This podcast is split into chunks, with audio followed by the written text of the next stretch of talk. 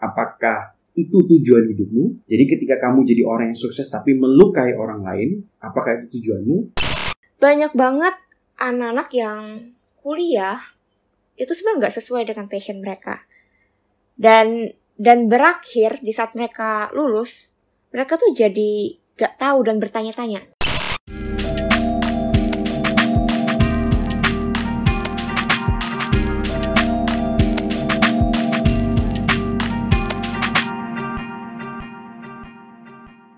Sobat Baper Beijing, selamat datang di episode ke-13 Di podcast kali ini gue Raflika bakal temenin kalian sebagai host di bincang-bincang ala Permit Beijing.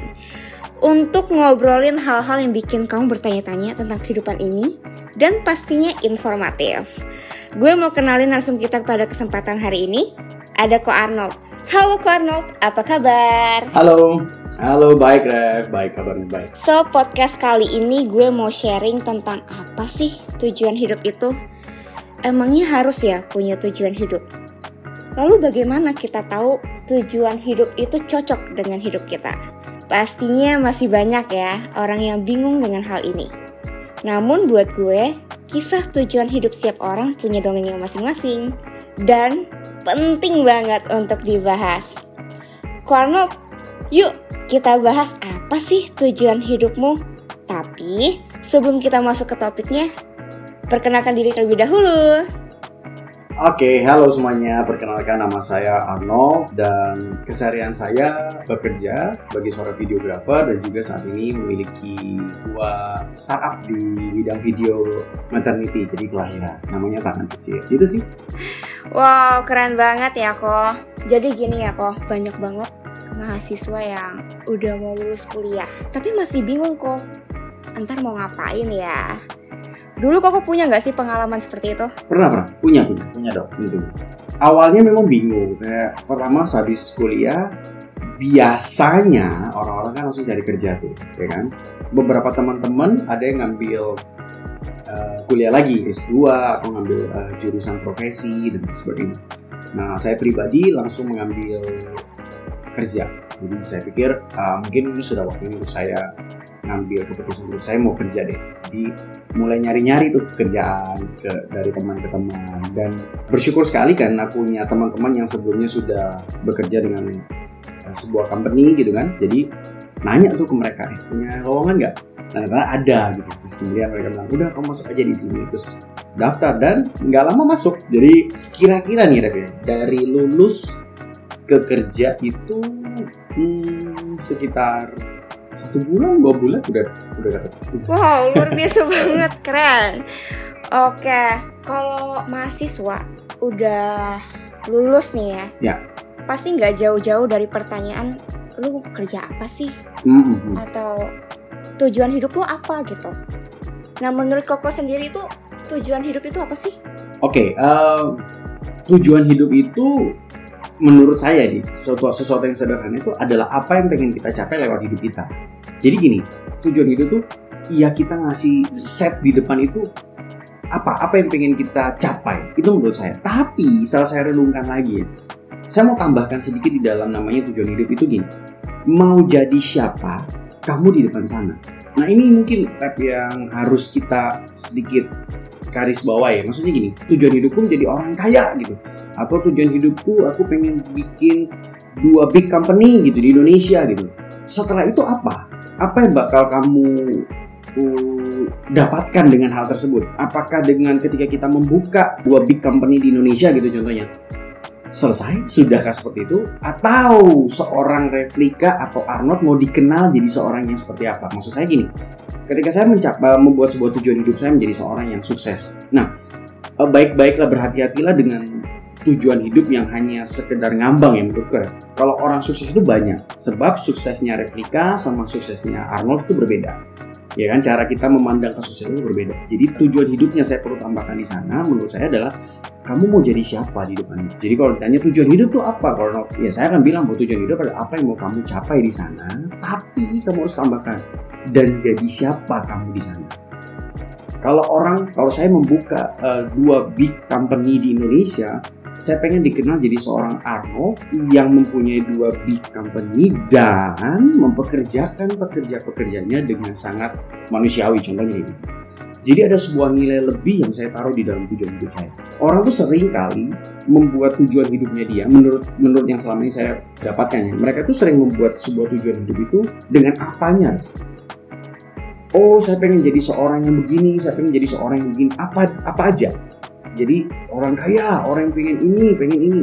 Tapi mereka lupa dengan siapanya. Padahal itu menurut saya adalah sesuatu yang jauh lebih penting karena individu. Jadi tambahkanlah ke tujuan hidup itu apa sesuatu yang pengen saya capai di depan sana dan siapa saya di depan sana. Hati-hati dengan itu. Jadi lebih baik tambahkan itu karena hmm, boleh sharing sedikit kan ya? Oh boleh dong kok, Ya, silahkan. Ya, kita akan podcast selama dua setengah jam ke depan gitu. ya. Jadi ke ada ada ada sebuah yang saya pelajari akhir-akhir ini bahwa ketika kita menjadi seseorang yang sukses, kita jadi seseorang yang berhasil, kita jadi seseorang yang terpandang, menurut kita itu adalah tujuan kita gitu. Tanpa kita taruh siapa kita di dalamnya, ternyata ya saya menemukan bahwa begitu banyak orang yang tanda kutip terluka dengan hal-hal tersebut. Nah jadi akhirnya tujuan yang kita capai itu membuat orang lain tidak ikut masuk di dalam uh, kebahagiaan kita. Nah, aku balik pertanyaannya ke Replika. Apakah itu tujuan hidupmu, Rev? Jadi ketika kamu jadi orang yang sukses tapi melukai orang lain, apakah itu tujuanmu? Tentu tidak kan? Nah dari situ aku tambahkan bahwa ketika kamu menjadi seseorang di, di depan sana, menjadi apa di depan sana, kamu harus plus sesuatu. Kamu menjadi siapa di depan sana. Replika, seseorang yang sukses membangun big company, tapi dia orang yang baik, dia orang yang begini dan itu dia. Wow, luar biasa banget ya. Kalau dulu aku, kalau misalnya koko tanya, e, tujuan hidupmu apa sih? Sebenarnya tuh ada kaitan dengan apa yang koko tadi nasehatkan. Waduh, nasihatkan. Jadi dulu kalau aku itu tipe orang yang selalu ngeset tujuan itu harus A, B, dan C. Ya. Itu buat aku jadi kayak terus berlari semakin kencang kayak seakan-akan lagi ikut lomba lari gitu. Dan namanya orang ikut lomba lari itu pasti yang dilihat hanya garis finish. Udah nggak lihat lagi kiri dan kanan. Dan di saat lari itu saya jadi merenung gitu. Saya lari untuk siapa? Dengan siapa? Buat apa? Di saat saya mikir ini tuh saya merasa kok saya larinya nggak nyampe-nyampe ya? Kok garis finishnya tuh kayak seakan-akan tuh makin jauh semakin jauh gitu. Iya. di saat saya merenung saya jadi nanya sama diri saya sendiri itu garis finishnya tuh beneran ada atau saya tuh mengejar sesuatu yang tidak ada sebenarnya? Jadi waktu saya tanya lagi sama diri saya Raf tujuan hidup lo apa sih? Gitu. Oh ternyata tujuan hidup saya tuh ya tujuan hidup. Tujuannya untuk hidup Iya. gitu loh maksudnya apa sih Ya karena di saat kamu berlari semakin kencang kamu tuh jadi lupa untuk menikmati setiap momen yang ada. Kita selalu sibuk menyiapkan hari esok tapi lupa untuk menyiapkan hari ini gitu kayak menikmati momen yang ada. Bahkan kebanyakan momen yang mendewasakan kita itu ya di setiap detik yang kita lalui, di setiap progres yang ada gitu kok. Setuju, setuju. Rap, tadi kamu ada singgung sesuatu tentang saya ngejar-ngejar ngejar, benar ya? Mm-mm. Ada sebuah cerita, mungkin eh, mungkin teman-teman di sini juga atau Replika juga pernah dengar ada seorang pelari dari Afrika mungkin ya di benua Afrika gitu. Menurut saya ini kayaknya kisah nyata ya, kalau saya nggak salah informasi. Tapi kayaknya kisah nyata. Dia berlari sampai satu titik itu dia mengalami cedera atau apa gitu.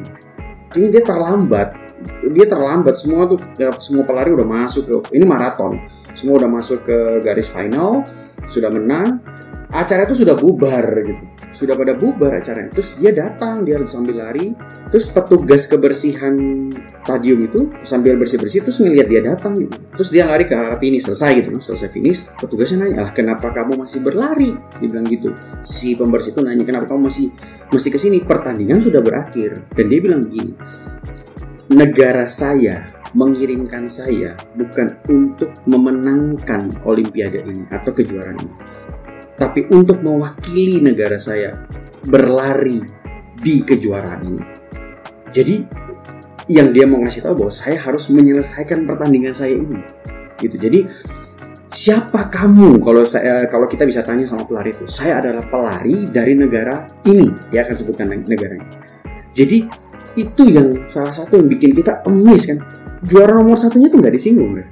Yang disinggung adalah cerita orang ini. Dari why saya bilang tadi di awal bahwa ketika kamu jadi orang yang sukses, kamu dikenal sebagai siapa? Reflika mau dikenal sebagai siapa? Berharap sekali ketika Reflika sukses, ceritamu ini bakal jadi history buat orang lain. Nah, itu dia yang bakal membuat kita jadi anak-anak muda yang ketika kita lulus, kita buat tujuan hidup, terus kita mau di depan sana, kisah hidupku akan jadi sebuah sejarah buat buat sebuah cerita. Nah, itu dia sih. Keren sih ceritamu juga tadi. Oh, luar biasa banget ya. Oke kok. Jadi gini, tujuan hidup itu seakan-akan memprogram manusia untuk kayak kamu tuh harus punya tujuan hidup gitu loh. Jadi banyak banget sebenarnya masih orang-orang yang belum punya gitu tujuan tujuan hidup. Sebenarnya harus punya nggak sih? Sangat-sangat saya dukung menjawab dengan 100% harus punya. Kenapa kok? Ya benar. Saya mau menyambung dengan Revika tadi nanya. Kenapa kalau memangnya nggak? eh, kalau seandainya kita nggak punya tujuan hidup, memangnya kenapa? Eh, hidupmu akan mengalir begitu saja. Kamu menjadi orang yang terpantul dengan kondisi. Ketika saya bertemu dengan Revika, ih enak nih melihat tujuan hidup Revika. Aku mau deh ikut. Tapi ketika saya bertemu dengan teman yang lain, saya melihat, ih ternyata tujuan hidupnya tidak kalah asik nih. Saya mau ah ikut kalau begitu terus untung ini baru sebutkan dua teman nih. Kalau ada lima teman berarti ada lima, lima hal yang asik di dalam hidupnya seseorang ini. Nah kalau kita dudukin dia dan kita nanya kamu mau jadi apa memangnya? Atau kamu mau jadi siapa memangnya? Apa atau apa tujuan hidup? Dia pasti bingung. Sebab dia melihat punya replika bagus punya temannya yang lain juga bagus punya yang lain juga bagus akhirnya dia merasa bahwa kok semuanya pada bagus ya. Nah sebaiknya kita set up dari sekarang tujuan hidup kita tuh apa kita mau jadi apa dan siapa di depan sana. Nah, sehingga ketika kita set up itu, dari sini kita sudah bisa filter. Bisa filter apa? Bisa filter pergaulan kita. Contohnya kalau pergaulan-pergaulan yang yang tidak benar, ya kita jauhin, kita nggak mau masuk ke dalam area sana. Kalau pergaulan-pergaulan itu ternyata merugikan kita, ya kita jauhin. Kalau ternyata hal-hal itu tidak sejalan mungkin dengan tujuan hidup kita, ya kita batasi. Jadi nggak perlu nggak perlu menjadi orang yang tertutup dan kuper ya tapi dengan membuat tujuan hidup intinya kenapa perlu kita membuat tujuan hidup? Dengan membuat tujuan hidup kita tuh sedang membangun fondasi hidup kita jauh lebih baik ke depan sana bukan hanya bicara tujuan tapi fondasi yang kita bangun jauh lebih baik. Sayangnya memang kalau dari bayi kita nggak punya tujuan hidup kan? Ya Rega Benar. justru orang tua kita memberikan tujuan di dalam kehidupan kita tapi ketika kita sudah berada di dalam batas umur kedewasaan dan bisa berpikir dan mengambil keputusan, sebaiknya kita membuat sebuah tujuan hidup di depan sana supaya fondasi kehidupan kita ini bisa tertata jauh lebih baik. Dan akhirnya kita bisa memfilter apa-apa saja yang perlu kita masukin ke dalam hidup kita. Saya sempat terjebak ya, Ref. Mungkin sharing sharing lagi. Ada soalnya omongan kayak gini, Ref, lucu, Ref. Karena Warno tuh bisa segala-galanya ya. Ketemu dengan orang yang hobi mancing, bisa ngomong mancing ketemu dengan orang yang hobi komputer bisa ngomong komputer, ketemu dengan orang yang hobi musik bisa ngomong musik. Saya senang, tapi ketika saya merenungkan itu di kamar, ada hal yang mengganggu, Ref. Kayaknya saya ini cuma dikata bisa, bukan expert. Jadi, aduh kok begini ya? Jadi saya cuma bisa bicara soal pancing, bisa bicara soal komputer, dan bisa bicara soal musik. Tapi saya nggak expert di satu titik. Nah itu yang membuat saya akhirnya oke okay, saya mau merubah pola ini untuk meruncingkan saya mau jadi apa dan siapa di depan sana. Akhirnya saya runcingkan itu dan ketika saya meruncingkan itu saya jadi bisa tahu apa yang harus saya kerjakan, apa yang harus saya batasi untuk saya kerjakan. Nah itu saya sebut fondasi ya. Jadi kita mau bangun fondasi itu. Itu kan buat kamu jauh jadi settle, jauh lebih kuat untuk untuk menjalani kehidupan. Itu. Oke, tadi Koko ada bahas ya. Kalau kita ketemu nih sama teman A, B, C, D gitu dengan berbagai tujuan hidup mereka yang asik. Hmm. Terus sedangkan kita ini dalam tanda kutip yang masih belum punya tujuan hidup. Lalu bagaimana ya cara dia ini menemukan tujuan hidupnya? Wah seru, pertanyaannya dalam ini ya. Bagaimana dia menemukan tujuan? Seseorang bisa menemukan tujuan hidupnya seperti yang saya tadi bilang di awal bahwa ketika kita kecil kita nggak bisa membuat sebuah keputusan ya. Nah ketika kita masuk di dalam batas kedewasaan, ketika kita bisa berpikir, kita bergaul dan kita bisa berpikir, akhirnya kita membuat sebuah keputusan. Nah Sekarang yang kita mundurin sedikit yang kita bahas ini kan bagaimana kita berpikirnya kan. Bagaimana supaya orang itu bisa punya tujuan hidup. Saya kasih sedikit kisah mungkin ya. Jadi kalau saya bilang eh jalani aja, nah berarti orang udah punya tujuan hidup. Begini, suatu saya mulai bisa berpikir, ada yang namanya saya bermimpi.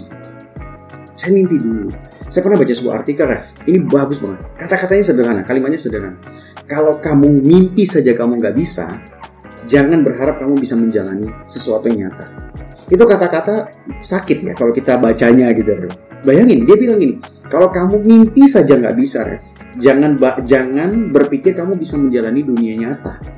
Wow, saya berawal dari mimpi. Jadi gini, teman-teman yang dengarkan podcast ini ya, mulailah dengan jalinlah kehidupanmu sebagaimana layaknya manusia lah, human being.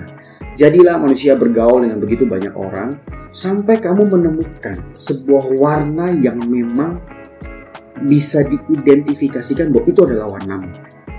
Bergaul aja, Uh, tapi hati-hati ya dalam pergaulan juga karena kalau kamu bergaul dengan orang-orang yang buruk itu pasti bisa bisa merusak kebiasaan kamu, hidup kamu nanti malah warna yang kamu punya jadi warna yang tidak baik. Hati-hati dengan itu. Tapi maksud saya di sini adalah bergaul dengan orang-orang banyak yang punya banyak mimpi seperti tadi uh, Replika terus teman-teman yang lain gaul aja dengan mereka ketika kamu bergaul dengan mereka akhirnya kamu menemukan sebuah pola warna yang cocok yang memang kamu tahu bahwa saya pengen jadi kayak begini, saya pengen jadi ini, dan saya pengen membawa hidup saya masuk dalam zona ini. Buatlah itu, mimpikanlah itu, kemudian mimpikanlah itu. What if kalau saya berada di posisi itu? Mimpi aja dulu, Ref. Jadi bergaul aja. Sekarang saya bisa bertemu dengan Revlika. Kalau saya bisa tanya, ya kan, Revlika uh, tujuannya apa? Uh, tujuan hidup kamu apa sih? Oh, saya pengen jadi uh, model gitu. Saya melihat, ih, asik juga ya jadi model gitu. Terus saya jadi kan tahu eh model tuh memang apa sih ref uh, tantangannya? Kamu kan pasti bakal cerita nih. Yoko jaga makan terus rajin olahraga terus kadang kita latihan juga. Berat juga ya. Kemudian saya berpikir bisa nggak ya saya jaga makan saya rajin olahraga saya rutin latihan untuk catwalk dan lain sebagainya? Kalau otak saya berpikir kayaknya nggak bisa saya berpikir kayak gitu. Nah coba mulai eliminasi hal tersebut. Saya bertemu dengan banyak orang uh, sharing sedikit ya. Dulu saya sempat bekerja jadi seorang salesman. Nah, itu adalah sebuah tantangan yang ini kalau menyangkut pertanyaan yang di awal tanya setelah lulus kuliah apa yang kau lakukan. Saya ambil keputusan kerja dan saya kerja jadi seorang salesman. Uh, Replika, trust me, believe it or not, percayalah saja bahwa saya ini bukan orang yang fasih berbicara. Jadi kalau hari ini saya bisa bicara dengan Replika uh, dan bisa share ini kepada orang banyak, saya bersyukur dengan apa yang saya lalui di belakang sana saya waktu itu mengambil keputusan jadi seorang salesman dengan saya tahu batasan saya. Saya cuma pengen nyoba aja. Karena saya melihat teman-teman saya sukses tanda kutip ya, sukses dengan uh, mereka menjadi salesman. Kenapa saya beri tanda kutip? Karena sekali lagi uh, sukses itu berbeda-beda ya takarannya. Kok mereka sukses ya sebagai salesman? Ah, saya mau belajar. Akhirnya saya masuk ke dalam dunia Ketika saya masuk ke sana, saya melihat begitu banyak orang Kan saya ketemu dengan banyak orang.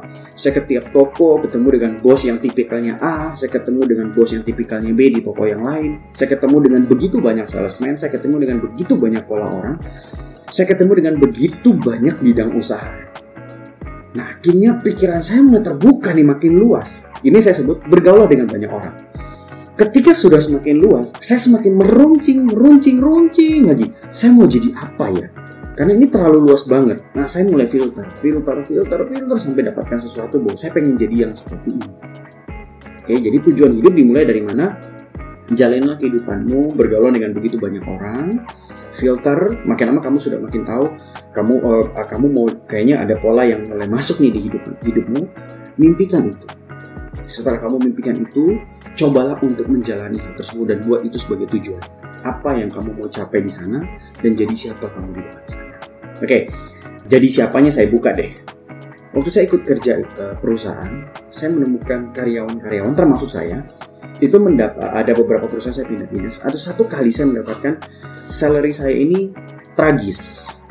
Jadi begitu saya digaji, orang pasti senang kan? Saya begitu digaji, saya menangis, menitikan air mata melihat gaji saya. Kenapa kok? Kenapa kecil sekali? Oh ya jumlahnya kecil okay. sekali ya begitu kan saya begitu tapi saya tetap bekerja di sana dan nggak apa-apa nggak apa-apa karena memang di awal sudah deal dealan memang harganya segitu Terus, oke, ini satu case. Yang case lain, saya melihat ada begitu banyak teman-teman yang kerja di sebuah perusahaan, terus kemudian dia ya, gajinya oke lah, gitu kan, UMR lah.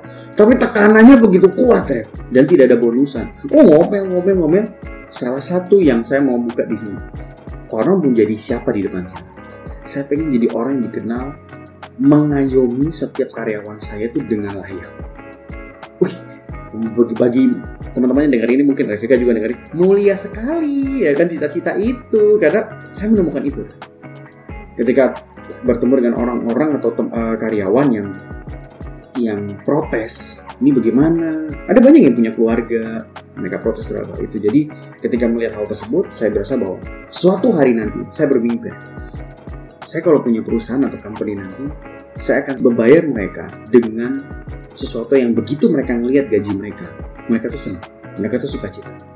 Wih saya dibayar segini. Nah itu yang saya punya memang saya tahu sekali lagi standarnya orang dibayar kan beda-beda. Ada yang mungkin begitu buka gaji 10 juta seneng minta ampun. Ada yang dibuka gaji 10 juta biasa saja. Tapi paling tidak saya tahu bahwa saya bisa memberikan lebih di posisi saya sebagai atasan atau pimpinan. Gitu sih. Oke. Seru banget ya kisah hidupnya ya. Aduh. Koko tadi ada bahas kita tuh kalau berteman berbaur sampai kita menemukan warna kita. Ya. Nah, di saat seseorang telah menemukan warnanya, dia belum tentu pasti kayak, oh ini, ini pasti punya gua gitu. Oh ini pasti tujuan hidup gua. Ya. Dia pasti mungkin menemukan dua atau tiga gitu, diperkecil. Lalu dia bingung, pilihan mana sih yang tepat, yang cocok untuk aku itu gimana kok? Oke, okay, pilihan mana? Nah, ini kita masuk ke filtering berarti ya. Eh, saya pengen eh, jadi ini di depan sana, saya pengen ada begitu, ada tiga lah kita sebut itu. Nah, di dalam perjalanan ini, di dalam perjalanan kita sampai ke tujuan kita singkatnya adalah bahwa kalau kamu sudah punya tujuan ke arah sana, jalani, jalani, jalani. Kalau kamu bertemu dengan sebuah penghalang, keputusan itu ada di tanganmu. Kalau kamu bertemu dengan sebuah penghalang, kamu mau melanjutkan untuk aku mau tetap ke sana atau berhenti. Selama kamu punya tujuan, eh, gak usah memilih. Jadi kalau gini, ada tiga nih, ada tiga tujuan. Kalau aku, kalau saya dikasih pilihan tiga tujuan tersebut, saya akan menjalani tiga-tiga tersebut. Tapi one by one, saya coba untuk tujuan ini dulu. Saya pernah nyoba.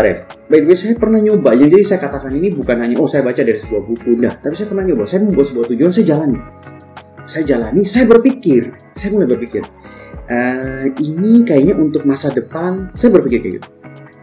Kurang bisa. Kalau nanti, saya membayangkan deh, maka saya bilang, mimpi dulu, buat tujuan terus mimpi. Kalau ke depan 10 tahun lagi, ini bakal begini, begini. Ketika mimpi saya, akhirnya saya menemukan batasan dan ternyata itu nggak memuaskan saya atau bukan menjadi sebuah target saya, saya eliminasi tujuan tersebut Nah, mimpi ini kan tidak terbatas, Ref. Kamu bisa ketika membuat sebuah tujuan, kamu bisa bermimpi yang seluas-luasnya. Nah, mimpikanlah seluas-luasnya. Kira-kira tujuan ini bisa membuat kamu jadi yang kamu pengen nggak di depan sana? Tujuan hidup ini. Kalau tidak bisa, eliminasi saja. Karena jangan buang-buang waktu. Anyway, saya banyak membuang waktu di hal tersebut. That is why saya mau ngomong supaya setiap anak-anak muda mendengarkan podcast ini, stop buang-buang waktu.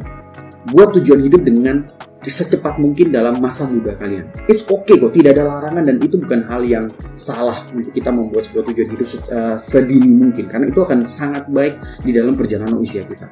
Setelah kita membuat tujuan hidup dan menemukan warna-warna tadi, kemudian ada beberapa beberapa tujuan hidup yang tadi Revika bilang ada tiga nih, oh seandainya jalani satu persatu, jalani aja telaten ini. Begitu kamu jalani, kamu menemukan bahwa ketika kamu bermimpi kamu lihat ke depannya agak susah dan dan kamu merasa bahwa ini tantangannya tidak apa eh, ke depannya tujuannya tidak sesuai dengan keinginan kamu eliminasi saja kalau yang di sini kamu lihat kamu bilang kayaknya ini bisa. Kamu jalani dengan serius. Nah di sinilah aku bilang saya bilang jalaninya itu dari sekarang kalau di usia yang sudah agak lanjut kamu berjalan kamu bisa makan waktu 2 sampai 3 tahun sayang karena untuk menentukan tujuan hidup ini. Jadi nggak segampang kita, oh saya pengen jadi ini, saya pengen jadi enggak. Nggak segampang itu. Saya ambil contoh aja, saya ambil contoh. Tapi ini bukan berarti saya menitik beratkan di sebuah pekerjaan, bahwa pekerjaan A lebih baik dari B. Tidak, saya disclaimer dulu dari awal. Contohnya begini ya. Saya waktu kerja dengan teman saya, dia ini sesama salesman dengan saya. Saya waktu bekerja di sana, saya sangat serius, saya sangat kita sebut sangat bayar harga sekali. Saya keliling provinsi Jawa Timur ini dengan sepeda motor. Saya keliling-keliling. Kamu sebutlah daerah mana yang belum didatangi sama saya. Pasti semua sudah saya datangi. Saya udah pakai sepeda motor ya. Sampai ke luar kota, sampai jauh-jauh. Saya sudah keliling pakai sepeda motor. Nah, dari saya keliling-keliling tersebut, saya uh, sampai satu titik saya merenung gitu. Kira-kira 20 tahun dari sekarang, saya uh, jadi apa ya kalau saya uh, merintis uh, karir saya di sebuah company. Nah ini makanya saya disclaimer dulu bahwa oh berarti ini Cornot ini menitik beratkan kita wirausaha. No no no big no. Saya cuma cerita aja perjalanan saya untuk akhirnya saya membuat tujuan saya dengan teman saya. Oke kita lebih bicara dua dua dua sudut pandang yang berbeda. Akhirnya saya resign. Intinya saya merasa bahwa kalau saya uh, di sini terus satu saya merasa nih ada persaingan dengan teman saya untuk menjabat posisi tertentu. Nah, saya kayaknya agak berat nih sama dia karena secara uh, penjualan dia oke okay, dan lain sebagainya lah. Saya berpikir satu dua hal, saya ambil keputusan untuk saya keluar. Di satu sisi teman saya itu mengambil keputusan untuk saya mau tetap lanjut. Saya mau tetap dedikasikan tujuan saya di perusahaan ini. Dia lanjut. Dan sekarang saya dengar dia udah menjadi seorang yang bisa saya katakan atasan. Loh, kan jadi jadi sukses dengan cara yang berbeda. Maksudnya di dalam hal ini adalah dia memilih tujuan yang saya mau di sini. Nah, saya waktu bersama-sama dengan dia di dalam di dalam kolam yang sama, saya merasa bahwa waktu saya berpikir, saya bermimpi, saya berangan-angan, saya merasa bahwa ke depan saya nggak bisa. Ini menurut saya, tidak menurut dia, nggak bisa kayak gini. Saya ngambil langkah saya untuk keluar dari kolam tersebut. Nah, ini sebagai contoh buat teman-teman dalam menentukan tujuan hidup. Jalani dulu. Saya by the way, saya bisa ngomong kayak gini karena Nah, tidak lima bulan, enam bulan saya kerja di sana. Saya sekitar 2 sampai tiga tahun saya kerja di sana dan saya merasa bahwa ini sudah waktunya untuk saya pindah kok. Gitu ya. Jadi ini sebagai contoh untuk teman-teman bisa tahu bagaimana menentukan tujuan hidupnya. Ya, jalani dulu sampai kalian tahu bahwa ini salah satu pilih yang mana ini kayak gitu kan. Jadi baru coba putuskan yang tepat setelah kalian bisa bermimpi. Kita bicara soal mimpi, mimpi karena mimpi itu tidak terbatas. Benar. Ya. Oke kok, dengan tujuan yang telah kita pilih, yang telah kita runcing, ya. pastinya gak mudah ya. Yang kayak Koko tadi bilang, kita juga bukan saja butuh kedewasaan, tapi butuh Bener. ketekunan dan integritas dan ya. teman-temannya. Gimana sih cara untuk menjalani tujuan hidup ini dan membuat hidup yang kita jalanin itu berarti? yang saya bilang di awal tadi eh, jadi siapa kamu di sana dan ingat manusia itu makhluk sosial. Kata-kata hidup kita jadi berarti itu ini yuk kita kita tarik itu ke arah kita. Menjadi berarti itu akhirnya artinya kita keluar. Ketika kamu jadi seseorang seorang Arnold menjadi big boss di sebuah company apakah saya akan end up di titik itu saya akan berakhir menjadi seorang big boss di sana kalau Reflika tanya bagaimana supaya saya bisa berarti buat orang lain, berikan sesuatu. Seperti hari ini, Reflika dan uh, teman-teman dari Permit Beijing bisa memberikan sebuah nilai dari podcast ini. Ini memberikan sesuatu. Inilah yang uh, yang bisa kita sebut nilai yang berdampak. Semua orang tuh punya nilai. Hari ini saya yang ditanya, ya kan? Besok besok saya percaya Reflika yang akan ditanya. Replika tujuan hidupnya Replika apa ya kan? Terus nilai-nilai yang Replika bagikan itu pasti akan menjadi nilai buat orang lain. Jadi setiap kita kalau kita mau mencuri nilai bukan mencuri ya kita mau mengambil setiap nilai yang ada dari hidup orang lain itu akan membuat kita jadi seorang yang akan penuh dengan hal tersebut. Nah bagaimana supaya kita bisa uh, memberi nilai buat orang lain? Share. Share apa? Share ilmu share pengalaman maybe kalau kamu punya kelebihan kamu bisa share sedikit daripada apa yang kamu miliki. Ya itu itu akhirnya kamu memberikan nilai keluar. Sekarang eh, pertanyaan balik lagi buat teman-teman dengerin ini. Kalau semua kita hanya berpikir saya masuk saya dapat saya dapat tanpa saya memberi hmm, apakah itu yang kita sebut nilai? Jadi kita kembali kembali berpikir kalau saya dapat saya dapat saya dapat Replika bisa kasih Arnold apa? Dari podcast hari ini Replika bisa kasih Arnold apa kalau saya berpikir seperti itu, saya bertanya lagi, apakah ini nilai yang mau saya bangun di hidup saya? Seharusnya saya bertanya kepada diri saya, apa yang saya bisa kasih lewat podcast ini?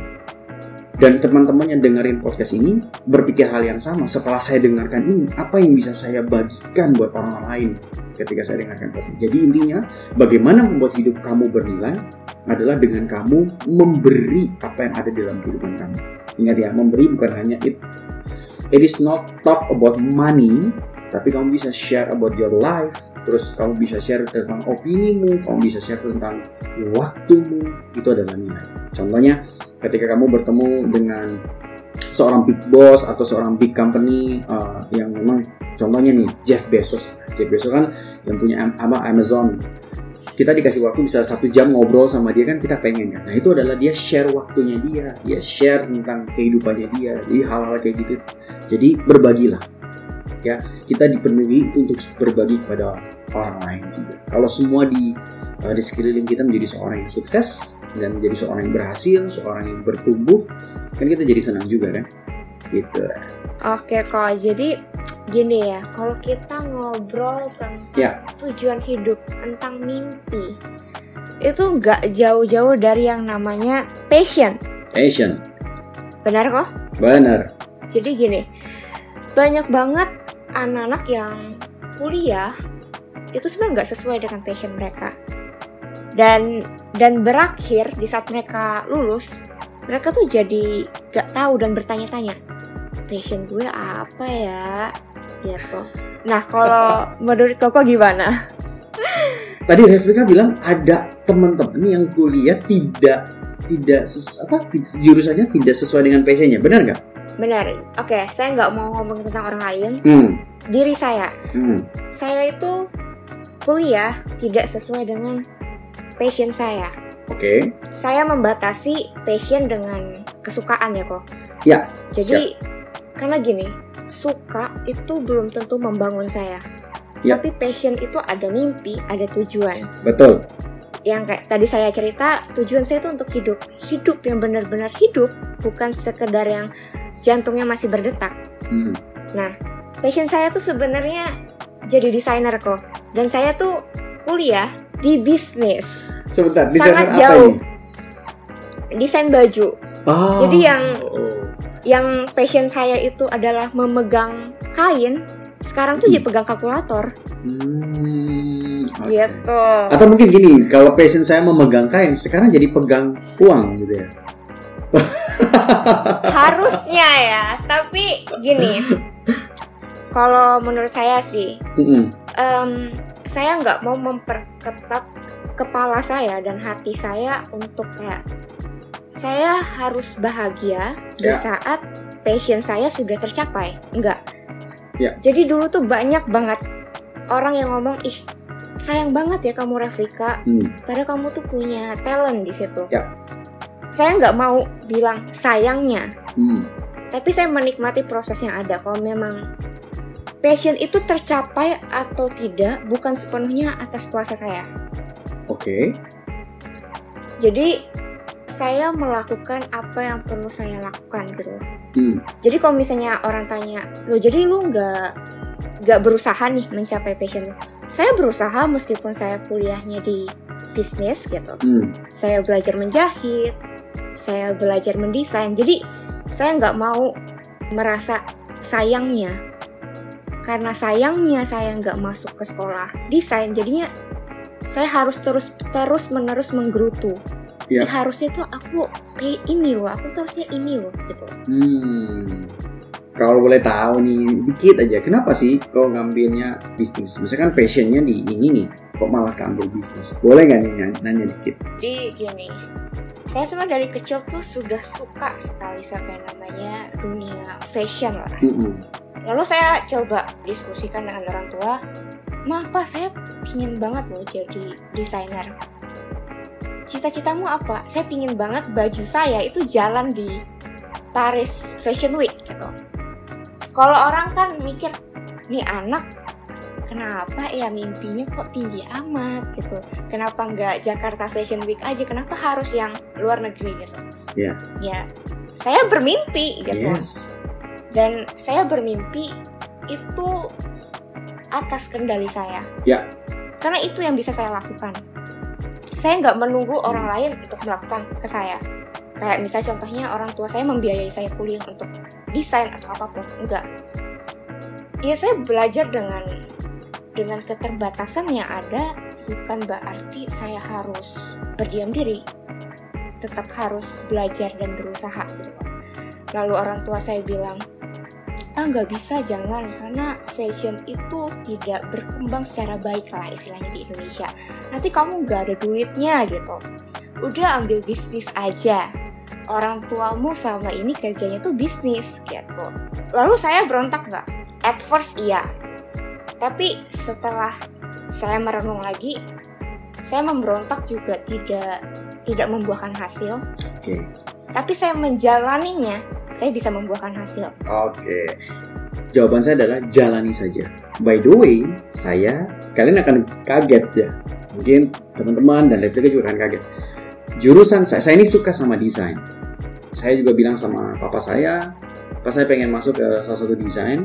Ya kalau Revika desain baju, saya desain interior.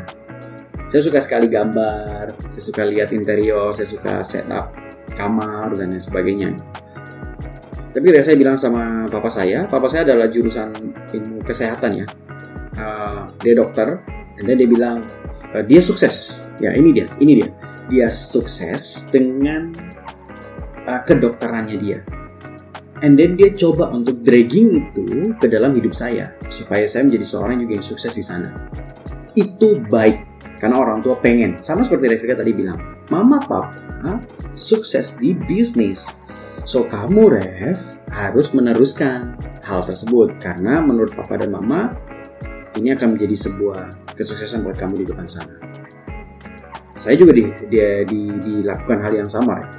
Finally saya ngambil jurusan farmasi. Can you imagine obat-obatan ya kan yang saya harga sangat berbeda. Di sana wow, saya stres sekali ya. saya bingung bagaimana bagaimana memilah-milah obat paracetamol ya kan? Terus ada tetrasiklin HCl saya harus belajar satu persatu tumbuh-tumbuhan dan racikan obat lainnya. Ketika saya selesai kuliah dari sana saya berpikir satu hal kenapa saya masuk di sana? Saya berpikir keras. Saya menemukan sebuah jawaban yang hari ini bisa membuat saya uh, bangga senang dengan hal tersebut saya diajar untuk berpikir kritis. Saya diajar untuk berpikir kritis karena ketika saya saya orang yang sembarangan ya, uh, kamar berantakan, terus uh, segala sesuatu tidak tertata dengan rapi dan tidak teratur. So different with my dad, dia orang yang sangat teratur, sangat rapi, sangat bersih. Coba untuk menginput itu dalam diri saya sampai saya tahu bahwa ternyata ketika saya masuk di dunia farmasi, waktu saya meracik obat, satu miligram saya meleset itu bisa overdosis. Jadi saya sadar saya di, uh, saya berada di sana untuk sebuah hal yang memang mau diajarkan di dalam kehidupan saya itu tentang ketelitian. Saya jadi kritis dengan sesuatu. Hari ini syukuri saja teman-teman yang hari ini kuliah uh, this is not your passion maybe kamu jalani itu jalan saja karena orang tua punya impian di dalam kehidupan kita. It's okay. Jangan lawan uh, orang tua atau jangan lawan mimpi yang mereka coba kasih dalam kehidupan kita. Selesai dari kuliah tersebut, tanggung jawablah dengan apa yang hari ini ada di tanganmu. Selesaikan itu. Karena apa yang berkaitan dengan kamu itu adalah tanggung jawabmu. Selesaikan itu setelah kamu selesai, and then kamu sudah punya nih jati diri, kamu sudah punya keputusan, kamu yang datang ke orang tua kali ini. Ma, saya pengen buka usaha ini. Ya kok beda dengan jurusan kamu? Jelasin ke mereka baik-baik. It's okay, orang tua dengan melihat kondisi kayak gini, hope so. Saya sangat berharap orang tua juga bisa punya pandangan yang terbuka. Ya, mungkin dengan hari ini Revika masuk di dalam dunia bisnis, Revika belajar tentang bagaimana berbisnis, bertemu dengan orang, bercakap-cakap dengan orang, bangun relasi dan lain sebagainya. Mungkin ini jadi sebuah jembatan yang bisa kamu bangun ketika suatu hari nanti kamu mengambil jurusan atau atau apa khusus mungkin untuk uh, untuk bikin desain baju dan lain sebagainya and then kamu punya kekuatan kamu punya power untuk bisa berkomunikasi dengan orang lain bangun relasi dengan orang lain itu akan menjadikan bisnis fashion kamu bisa berkembang dengan baik. Menurut saya kalau hari ini bukan kamu kamu jalani sesuatu yang bukan passion kamu kamu kuliah di tempat yang berbeda dengan passion kamu it's okay. Tidak banyak orang yang bisa kuliah. Ya saya garis bawah tidak banyak orang yang bisa kuliah. Jadi syukuri apa yang hari ini kamu jalani selesaikan dulu selesaikan battlefield kamu selesaikan medan pertempuran kamu sampai satu titik nanti kamu selesai ambillah keputusan yang tepat dan masuklah dalam sebuah battlefield yang baru untuk kamu bisa jalani itu dengan baik. Gitu. Oke. Thank you banget ya kok tapi aku masih belum ya. selesai. Yeah. aku masih punya pertanyaan lagi. Ya yeah. um, di Indonesia tuh marak banget. Kalau di Twitter ya banyak banget tuh yang nge-tweet aduh passionku ini. Tapi kalau aku kerja sesuai dengan passionku aku nggak dapat duit nggak cuan. Terus kalau misalnya aku kerja yang uh, selain dari passionku aku jadi stres dan tertekan. Jadi kalau misalnya menurut Koko apakah kita itu bekerja emang harus sesuai passion atau tidak? Gimana kok seperti dugaan saya, semakin lama pertanyaannya, semakin tajam. Bagus sekali replika. Oke. Okay.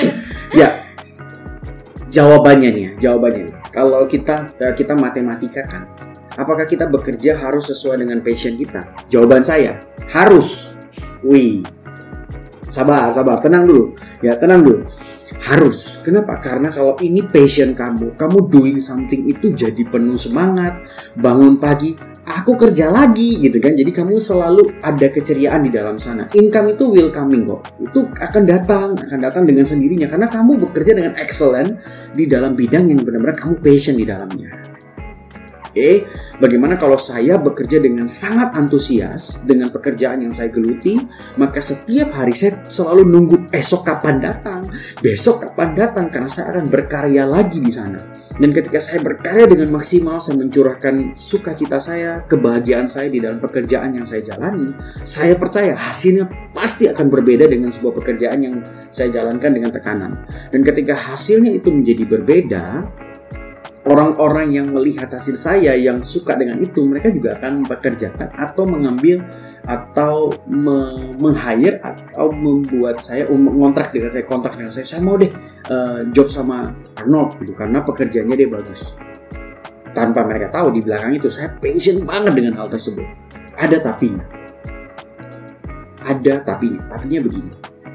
What if ternyata kamu tidak bekerja dengan sesuai dengan passion kalau itu terjadi di kehidupan kita jalani. Kok gak enak jawaban ini? Saya kasih tahu ya.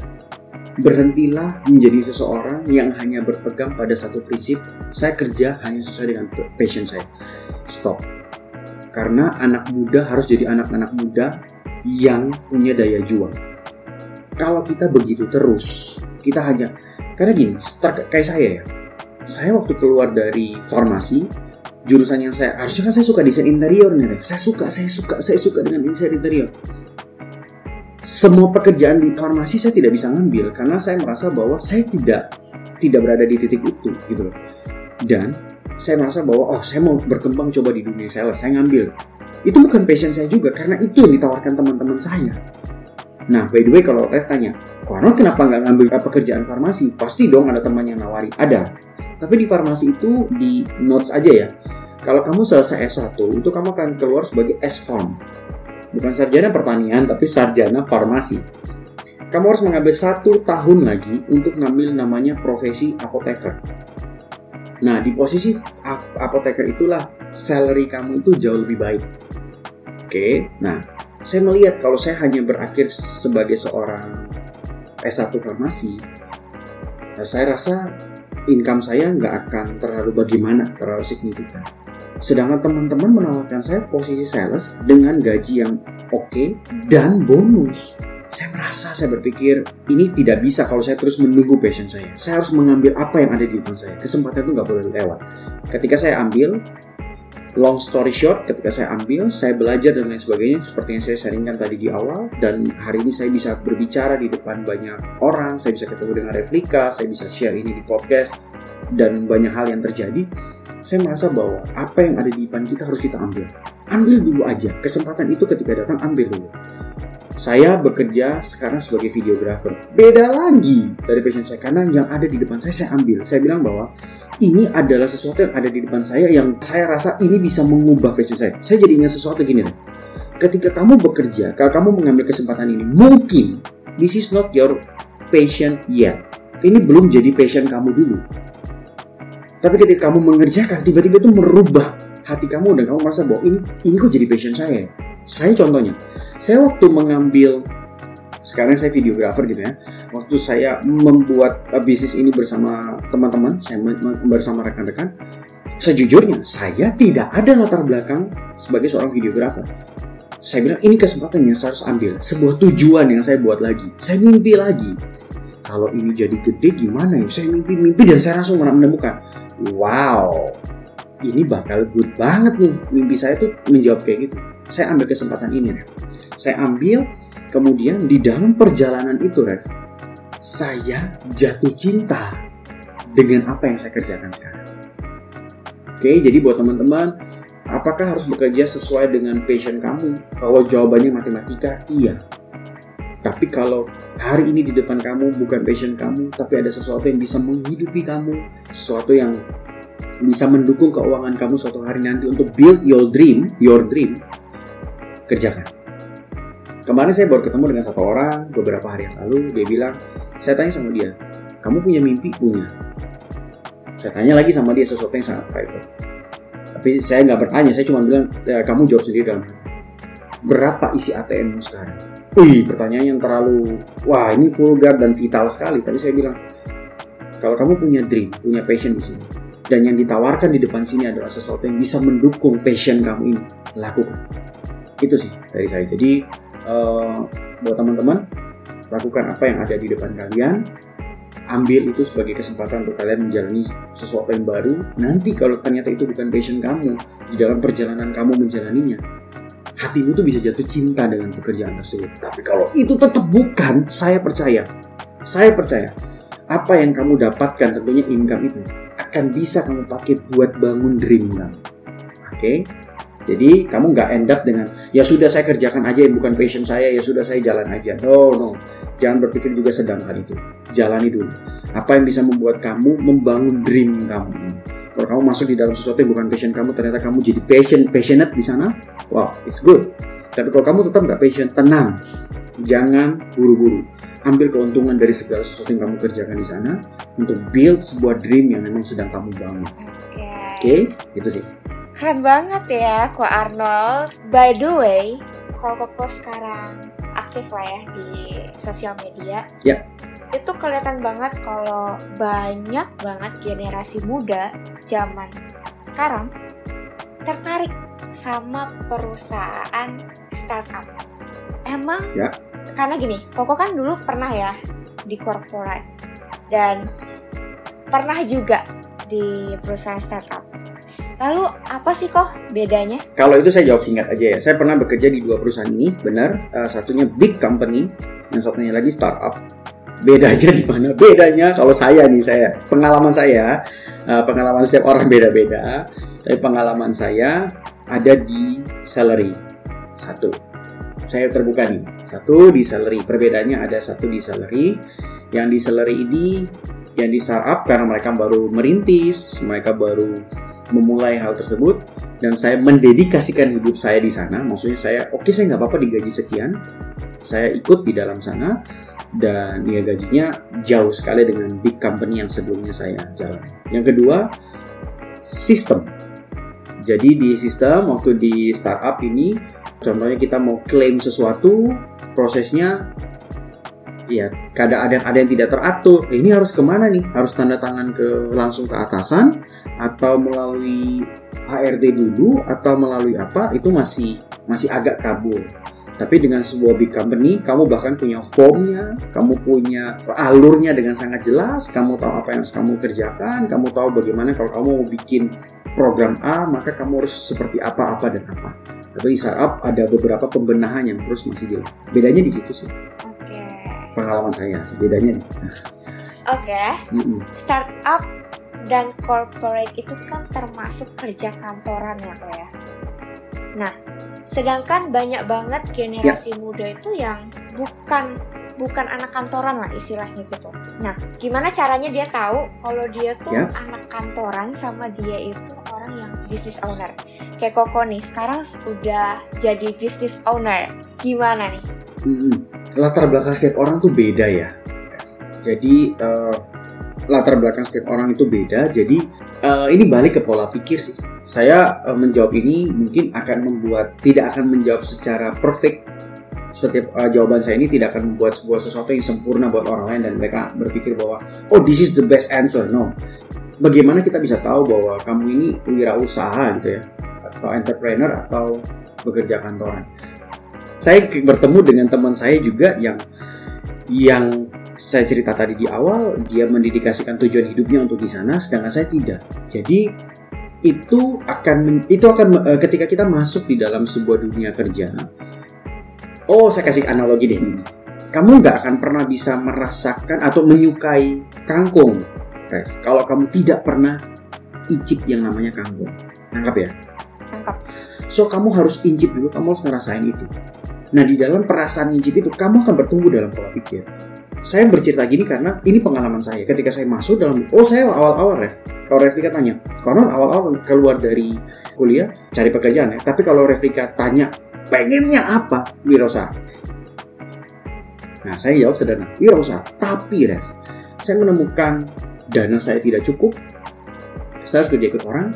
Saya menemukan hal-hal eh, polemik-polemik atau eh, fakta-fakta itu di lapangan dalam kehidupan saya. Saya harus kerja ikut orang. Dan ketika saya kerja ikut orang, saya masih menemukan bara kebakaran wirausaha ini masih terus ada di dalam hidup saya. Saya nyala-nyala terus. Jadi akhirnya saya tahu bahwa oke okay, tujuan saya adalah itu. Jadi saya kumpulin uang saya dulu untuk bangun tersebut. Nah, teman saya itu wirausaha tapi dia masih berat juga di dalam ikut orang atau uh, kita sebut karyawan tidak ada yang salah dengan itu. Saya punya rekan yang sangat sukses luar biasa ketika dia kerja dengan company dan company dia itu big big big company di Indonesia. Bahkan ini multinasional.